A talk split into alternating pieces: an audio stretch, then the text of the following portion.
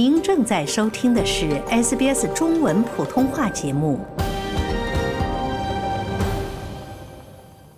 各位听众，您收听的是 SBS 普通话节目，我是罗忍陈龙。那么今天我们是邀请到了 Melbourne Polytechnic 墨尔本理工学院的职业顾问陈婉佳女士呢，来跟我们聊一下，就是我们维州的这个免费的 TAFE 课程以及免费的英文课相关的一些话题。那许多移民澳洲的华人朋友们一定也会非常的感兴趣，我怎么样可以参与这些课程？有哪些课程可以选择的？那我们今天就一起来聊一下。那能否首先简单介绍？介绍一下，目前呃，以我们维州为例吧，获得了永居身份的移民可以修读哪些科目的免费的 TAFE 课呢？嗯，免费 TAFE 课程一般呢是基于目前就业市场上的雇主他们急需的一些实用技能来设计的，而且呢，所有的学费都是由维多利亚州政府支付。嗯，我们的免费 TAFE 课程呢，主要有三大类别。包括 certificates 证书，还有更高级别的文凭呢，有 diploma，还有一些职业是可以走学徒 apprenticeship 的这个途径的。那目前呢，比较受欢迎并且就业市场紧缺的行业，包括社区服务、医疗健康、农业和会计。我们发现啊，许多学生知道他们有资格参加免费 TAFE 课以后，都特别惊讶。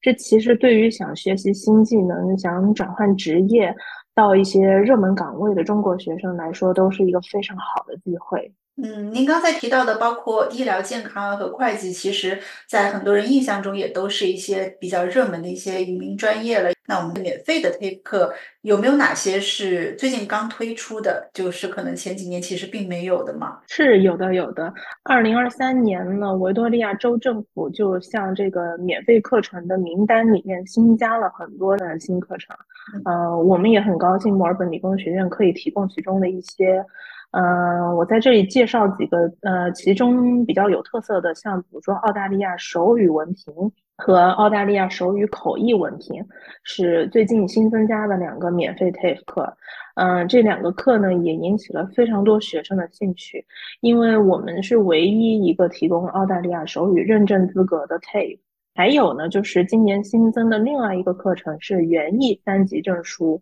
这个给一些对园丁啊、园艺师职业感兴趣，或者是出于个人兴趣爱好想学习的学生，都提供了一个很好的免费学习的机会啊。园艺三级，它一共是有多少级？这个三级是处于一个比较初级的，还是稍微说高阶一点的呀？一般呢，像比如说我们说三级证书，指的就是 certificate。嗯，那 certificate 其实从 certificate 二、certificate two 开始。往上呢就有 certificate three、certificate four，啊，就是三级、四级。再往上呢就是 diploma 了。其实呢，这个级别的区分啊，主要是给大家一个概念，就是你现在学的这个课程的难度和你毕业以后能从事的一些职业的范围。那当然是越高呢，你能从事的职业范围越宽。嗯，不过呢，园艺三级证书算是一个非常受欢迎的证书。所以呢，嗯，毕业了以后有非常多的职业可以选择。嗯，而且像您说的，可能不只是为了职业选择，像一些出于兴趣爱好的也可以来学习。就比如我喜欢种花，或者喜欢在后院种种菜啊什么的，其实还是蛮好的对，没错，嗯，是的，我们每家每户都有后院呐，自己打理自己的后院也是非常大的一个乐趣之一。嗯。那其实刚才您提到像园艺啊，这个 certificate，它其实也是很多朋友们出于一种兴趣的考量，也会想要去参加的。那有没有像其他的一些课程，各种各样的，比如说厨艺、烘焙这些课程都有吗？是的，都有啊，像 commercial cookery 啊、baking 啊这些课程都有，而且也都有不同程度的政府资助和一些学费减免。所以说呢，如果对任何这些课程感兴趣，都推荐大家过来咨询一下。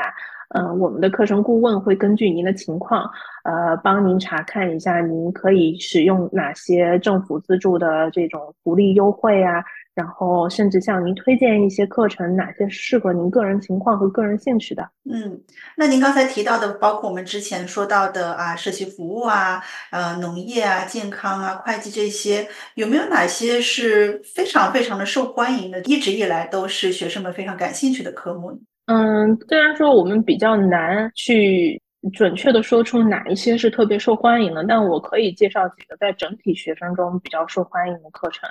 嗯，首先呢，就是我们的这个网络安全 （Cyber Security） 四级证书，一直都是很热门的需求。嗯，也吸引了很多不同文化背景的学生，包括我们很多华人背景的学生。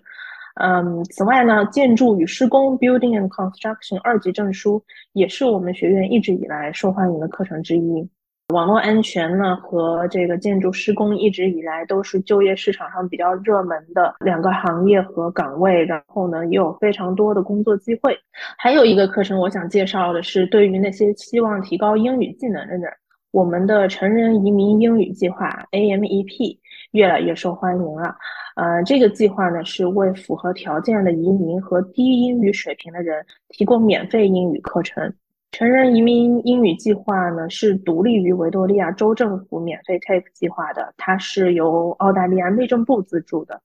要符合 AMEP 的资格呢，学生需要持有永久居留资格或者一些临时签证也有资格，并且英文水平要低于职业英文的程度。主要签证持有人跟家属都有可能可以参加我们 AMEP。那我们中国学生呢，通常通过免费的 AMEP 课程来提高他们在生活时候的英语沟通技能。还有就是在找到工作或开始其他 TAFE 课程之前，这个课程也可以作为一个提高英语水平的跳板。嗯，在我在墨尔本理工学院的工作中，我为这些英语课程的学生提供职业咨询。我们帮助他们了解他们如何在澳洲职场发挥自己的专业技能，以及在之后可能需要接受什么培训或者技能提升。嗯，所以其实我们这个英语课，它不只是说一个生活类英语，像您说的，会提供一些职业的咨询，包括一些专业技能的一些培训。对，没错，我们的其中一大服务就是我们的职业咨询服务。那所有的移民来到我们的课程中以后，可能或多或少都会有一些职业上的这种呃追求，或者是呃更高的这个学习方面的追求，我们都可以给他们提供一些引导和呃，就是说技能提升，包括比如说如何去找工作，有哪些资源可以用，啊，有哪些社会上的机构可以提供帮助和协助的。包括我们也会针对各个移民每个人的技能和呃受教育背景不同的情况，给他们一些咨询啊，介绍一些澳洲哪些职业可能会适合他们的。我可以举个例子，就是是最近呢，我们有一位在 AMEP 课程中的学生，他是从中国移民过来的。嗯，因为这个就业市场的环境呢跟中国不同，他在澳洲就很难找到一份能应用他的技能的工作。嗯，在他参加了我们墨尔本理工学院 AMEP 课程以后呢，他提高了很多他的英语水平。再加上我们 AMEP 的职业引导，他参加了进一步的短期职业培训，最终呢，很很顺利的在一家银行找到了数据分析师的职位。所以啊，无论是 AMEP 课程还是免费的 TAFE，对于寻求在澳大利亚建立稳定职业生涯的移民来说，都是一个很好的第一步。嗯，那我们 AMEP 免费的英语课对于有永居身份的移民来说，是不是都是免费的呀？对的，呃，我们以前的 AMEP 的英语培训时间限制为最多五百一十个小时每个人，但是自从二零二一年四月以来，政府就取消了这个小时数的上限，就意味着符合条件的移民，嗯，包括我们华人背景的学生，现在可以获得无限的免费英语课程，